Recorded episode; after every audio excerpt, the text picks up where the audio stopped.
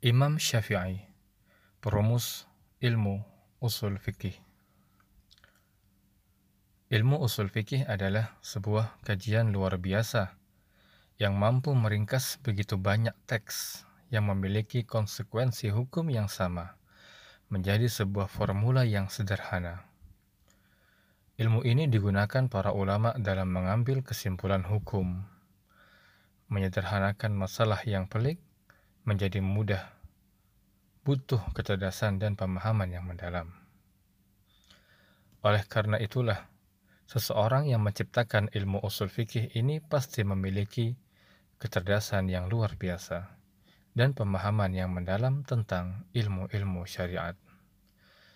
Ilmu ini pertama kali dirumuskan oleh Muhammad bin Idris Asy-Syafi'i atau lebih dikenal dengan Imam Syafi'i.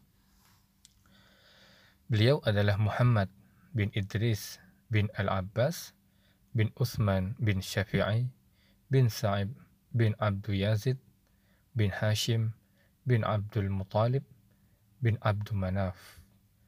Nasab Imam Syafi'i dan Nabi Muhammad Sallallahu Alaihi Wasallam bertemu pada kakek mereka, Abdul Manaf. Jadi, Imam Syafi'i adalah seorang laki-laki Quraisy asli. Adapun ibunya adalah seorang dari Bani Asdi atau Asad. Imam Syafi'i dilahirkan pada tahun 150 Hijriyah di kota Gaza, Palestina. Tahun kelahiran beliau bertepatan dengan wafatnya salah seorang ulama besar Islam, yakni Imam Abu Hanifah rahimahullah. Ayahnya wafat saat Syafi'i masih kecil, sehingga ibunya memutuskan untuk hijrah ke Mekah agar Syafi'i mendapatkan santunan dari keluarganya dan nasabnya pun terjaga. Di Mekah, Syafi'i kecil mulai mempelajari bahasa Arab, ilmu-ilmu syariat, dan sejarah. Ia terkenal sebagai seorang anak yang cerdas.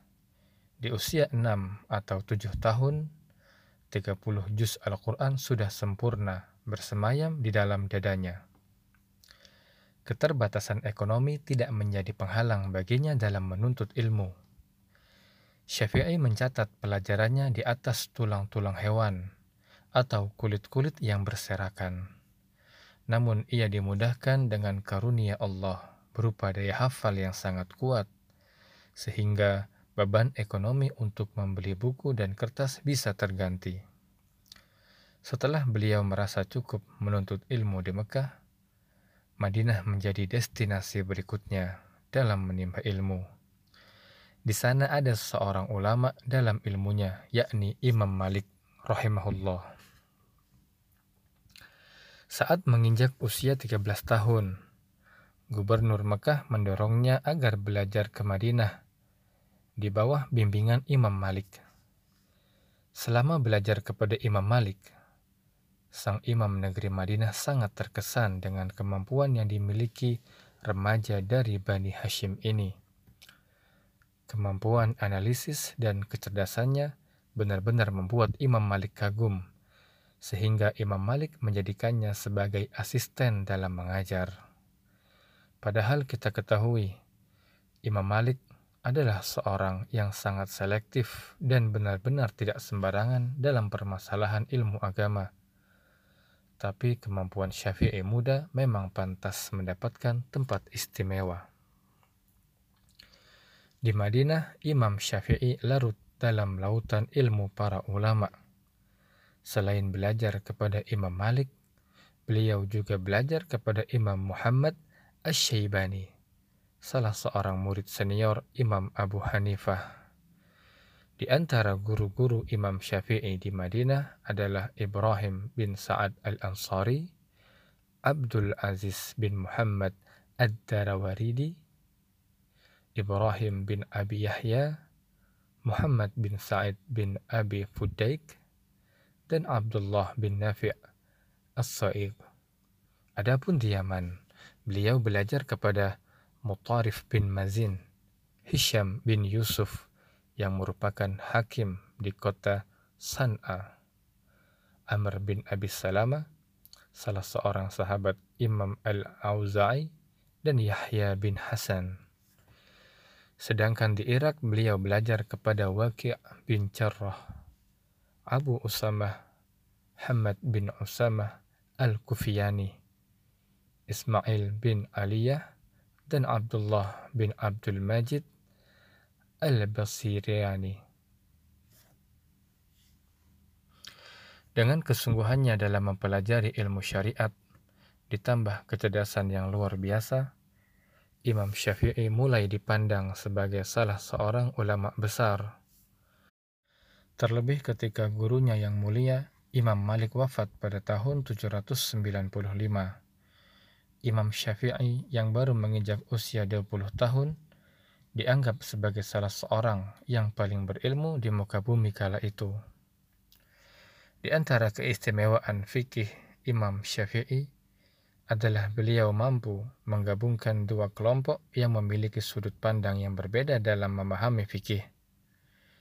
Kelompok pertama dikenal dengan ahlul hadis, yaitu orang-orang yang mencukupkan diri dengan hadis tanpa butuh interpretasi atau analogi-analogi kias dalam menetapkan suatu hukum. Sedangkan kelompok lainnya dikenal dengan ahlu ra'yi atau mereka yang menggunakan hadis sebagai landasan penetapan hukum. Namun selain itu mereka juga memakai analogi-analogi dalam menetapkan hukum. Imam Syafi'i mampu mengkompromikan dua kelompok ini bisa menerima satu sama lainnya. Ibadah Imam Syafi'i tidak diragukan lagi seorang ulama yang terpandang Selain memiliki keilmuan yang luas, mereka juga merupakan teladan dalam beribadah. Ar-Rabi' mengatakan, Imam Syafi'i membagi waktu malamnya menjadi tiga bagian. Bagian pertama adalah untuk menulis, bagian kedua untuk sholat, dan bagian ketiganya untuk tidur. Di malam hari beliau tidak pernah terlihat membaca Al-Quran melalui mushaf. Akan tetapi bacaan beliau di malam hari hanya dilantunkan dalam salat-salatnya. Al-Muzani mengatakan, saat malam hari aku tidak pernah sekalipun melihat Asy-Syafi'i membaca Al-Quran melalui mushaf. Ia membacanya saat sedang salat malam melalui hafalan. Selain menjadi bintang dalam ilmu fikih, Imam Syafi'i juga dikenal dengan kefasihan dan pengetahuannya tentang bahasa Arab. Beliau belajar bahasa Arab kepada seorang Arab desa yang bahasa Arabnya fasih dan murni. Hal itu serupa dengan keluarga Nabi Shallallahu Alaihi Wasallam yang menitipkan beliau kepada ibu susunya yang berasal dari desa. Tujuannya agar bahasa Arab Nabi berkembang menjadi bahasa Arab yang fasih ketika tumbuh dewasa. Ibnu Hisham bercerita tentang kefasihan Imam Syafi'i. Saya tidak pernah mendengar dia menggunakan apa pun selain sebuah kata yang sangat tepat maknanya. Seseorang tidak akan menemukan sebuah pilihan diksi bahasa Arab yang lebih baik dan lebih pas dalam mengungkapkan suatu kalimat. Tidak lama setelah wafatnya Imam Malik, Imam Syafi'i ditugaskan pemerintah Abbasiyah ke Yaman untuk menjadi hakim di wilayah tersebut. Namun beliau tidak lama memangku jabatan karena jabatan hakim secara tidak langsung menghubungkannya dengan dunia politik yang sering mengkompromikan antara kebohongan dengan kejujuran, dan beliau tidak merasa nyaman dengan hal yang demikian. Setelah itu, beliau berpindah menuju Baghdad dan menyebarkan ilmu di ibu kota kekhalifahan tersebut. Kehidupan beliau di Baghdad dipenuhi dengan dakwah dan mengajar.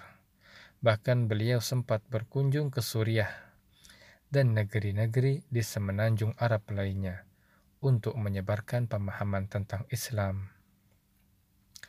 Sekembalinya ke Baghdad, kekhalifahan telah dipegang oleh Al-Ma'mun. Al-Ma'mun memiliki pemahaman yang menyimpang tentang Al-Quran. ia menganut paham Mu'tazilah yang mengedepankan logika dibandingkan wahyu Al-Quran dan Sunnah. Al-Ma'mun meyakini bahwasannya Al-Quran adalah makhluk, sama halnya seperti manusia. Pemahaman ini berkonsekuensi menyepadankan antara logika manusia dengan Al-Quran. Artinya, Al-Quran pun tidak mutlak benar sebagaimana akal manusia. Tentu saja, keyakinan ini bertentangan dengan keyakinan Imam Syafi'i dan ulama-ulama Islam sebelum beliau yang menyatakan bahwa Al-Quran adalah firman Allah yang kebenarannya mutlak. Al-Ma'mun memaksa semua orang agar memiliki pemahaman yang sama dengannya. Banyak para ulama ditangkap dan disiksa karena peristiwa yang dikenal dengan khalqu Al-Quran ini. Akhirnya, pada tahun 814, Imam Syafi'i hijrah menuju Mesir, negeri di mana beliau berhasil merumuskan ilmu usul fikih. Sebagaimana lazimnya manusia lainnya, sebelum wafat Imam Syafi'i juga merasakan masa-masa sakit. Dalam keadaan tersebut, salah seorang muridnya yang bernama Al-Muzani mengunjunginya dan bertanya, Bagaimana keadaan pagimu Imam Syafi'i?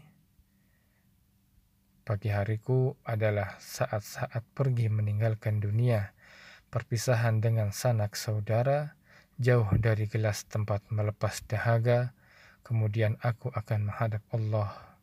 Aku tidak tahu ke mana ruhku akan pergi. Apakah ke surga dan aku pun selamat ataukah ke neraka dan aku pun berduka. Kemudian beliau menangis.